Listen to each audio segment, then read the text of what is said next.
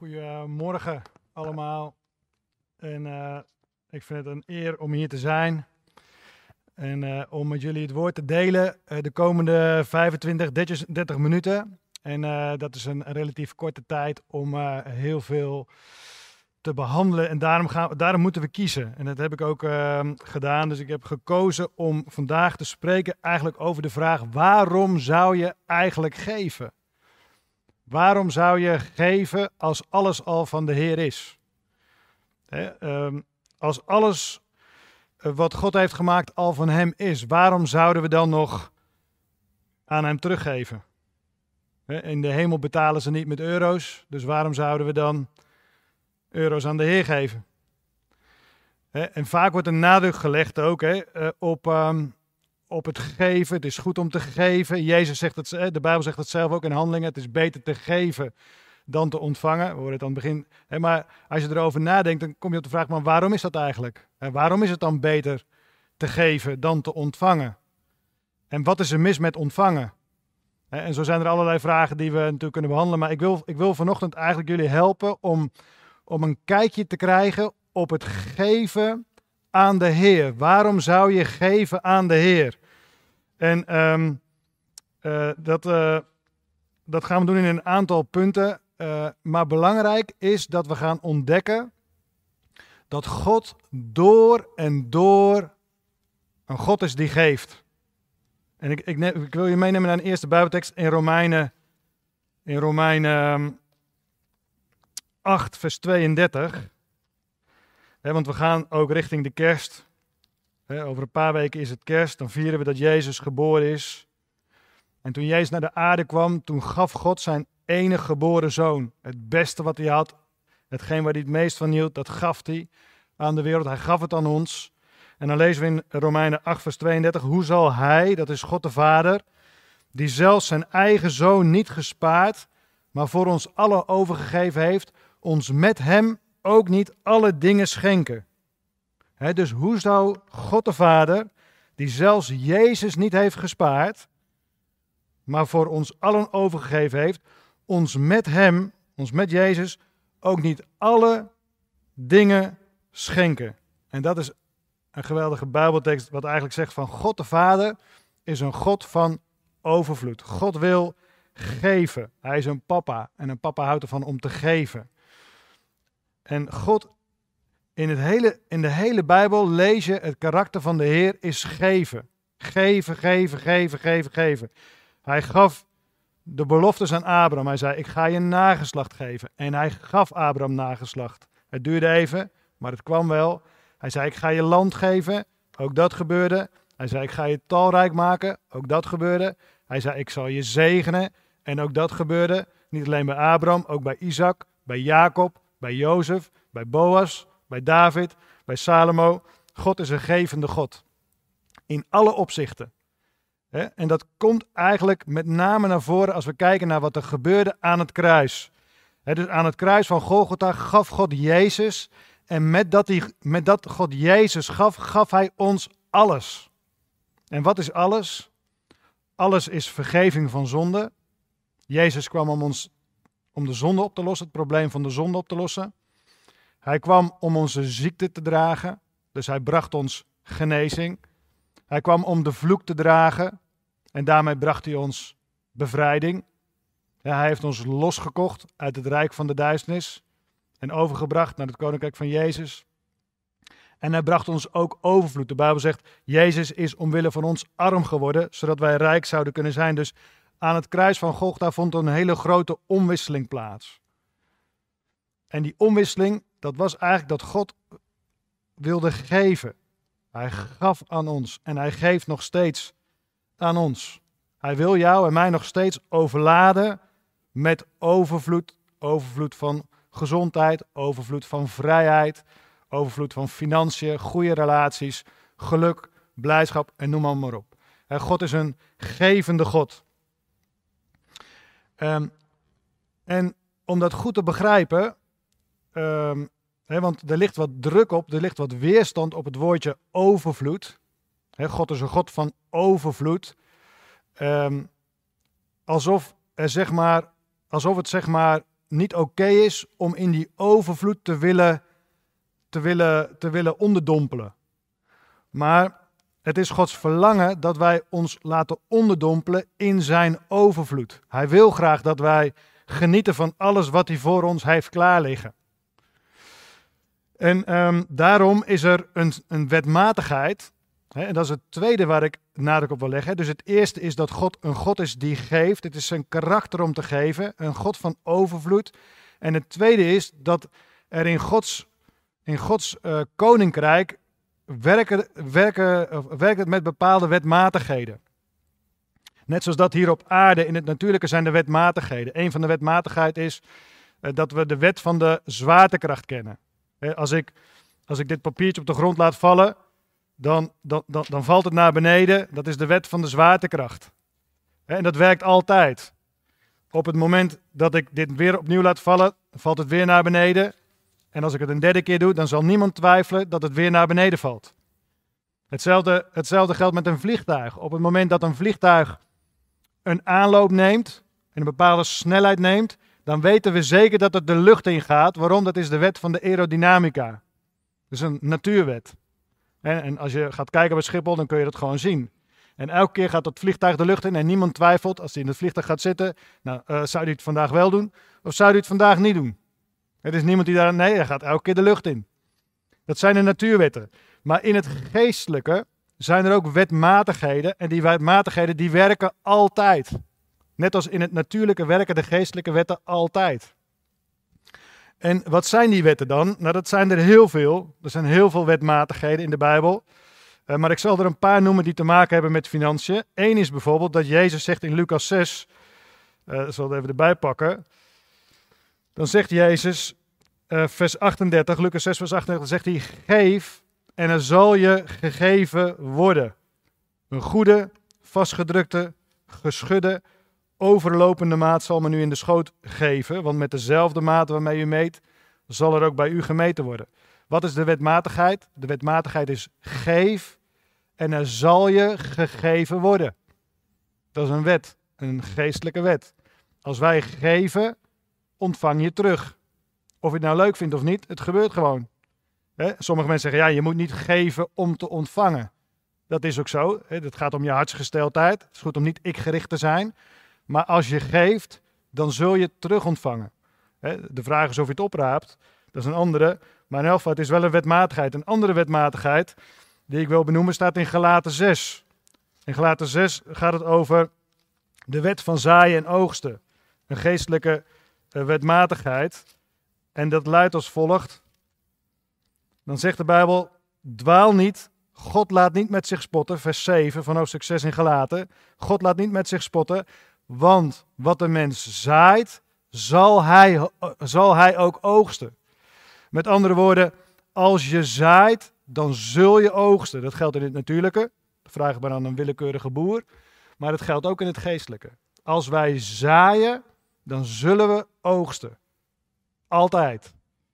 ook dat heeft met financiën te maken. En een derde, uh, een derde wetmatigheid, en, uh, er zijn er nog veel meer, maar om de tijd zal ik dat nu niet doen, neem ik je mee naar Spreuken 3, Spreuken 3 vers 9. En dan staat er, vereer de Heer met je bezit, met de eerstelingen van heel je opbrengst. Dan zullen je schuren gevuld worden met overvloed. Let op het woordje dan. Als je dit doet, dan zal dat gebeuren. dus eer de Heer met je bezit, met de eerstelingen van heel je opbrengst. Dan zullen je schuren gevuld worden met overvloed en je perskuipen overlopen van nieuwe wijn. Met andere woorden, er is een wetmatigheid wat gaat over het geven van de eersteling. En de eersteling is de eerste 10%. Daar ga ik vanochtend niet uitgebreid over spreken. Maar is wel ongelooflijk krachtig principe, krachtige wetmatigheid. Die, uh, die God heeft bedacht en heeft bedoeld om uh, ons te verbinden met zijn zegen. Want dat is het derde waar ik heen wil. En dat is dat als we dan weten dat God een God is van overvloed. En als we weten dat er wetmatigheden zijn in het geestelijke. Waarom geeft de Heer dat niet automatisch? Waarom, als, als alles van de Heer is, waarom zorgt hij er dan niet voor dat wij als vanzelf die overvloed ontvangen? Hij kan toch gewoon elke week een envelop door de deur doen, engelen op pad sturen, de dienende geesten, en ons voorzien van alles wat we nodig hebben. Waarom, waarom, waarom, waarom werkt dat niet zo? Waarom kan hij niet gewoon vanuit de hemel een aantal biljetten van 50 euro laten dwarrelen in mijn achtertuin? En dat ik net als het volk Israël opsta elke ochtend, even naar buiten loop, wat briefjes van 50 bij elkaar raap. En dan kan ik de rest van de dag gewoon de boodschappen doen. Waarom, waarom, waarom werkt dat niet zo? Nou, het antwoord is dat alles in het koninkrijk van God werkt door middel van geloof. Dus um, de, er zijn wetmatigheden. Het is Gods verlangen om jou te zegenen. Hij wil jou overladen met goede dingen. Want daarom heeft hij Jezus gestuurd. Alleen het is aan ons om mee te werken. Het gaat niet als vanzelf. Het is hetzelfde met redding. God wil dat alle mensen worden gered en de waarheid leren kennen. God, het is Gods verlangen dat de wereld Hem leert kennen als een liefhebbende God. En toch is niet automatisch iedereen gered. Wij hebben een rol te vervullen en dat is namelijk dat we Jezus accepteren. Dat we zeggen, Jezus, kom in mijn hart. Uh, en datzelfde geldt ook voor financiën. Als wij willen meebewegen in Gods overvloed, hebben wij een rol te vervullen. En die rol die we te vervullen hebben, is dat we gaan doen wat het woord zegt. Het is eigenlijk dat we gaan geloven dat waar is wat God zegt. Nou, dat geloven, dat is dus de sleutel om van God te ontvangen. Geloof, zonder geloof is het onmogelijk om God te behagen, staat er in uh, Hebreeën 11. Ik zal het even bijpakken. Zonder geloof is het onmogelijk om God te behagen, want wie God zoekt, moet geloven dat hij is.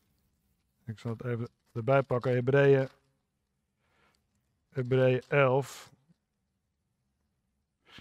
Nog iets terug, hier zijn we. Zonder geloof, vers 6, zonder geloof is het echter onmogelijk God te behagen. Want wie tot God komt, moet geloven dat hij is en dat hij beloont wie hem zoeken. Nou, denk bijvoorbeeld aan het volk Israël. Het volk Israël had beloofd gekregen van God dat ze het beloofde land zouden krijgen. God had gezegd: Ik zal jullie brengen naar een land wat overstroomt van melk en honing.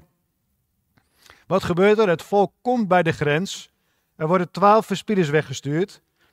Ze verspieden het land, ze komen terug. En wat gebeurt er dan? Er ontstaat een discussie.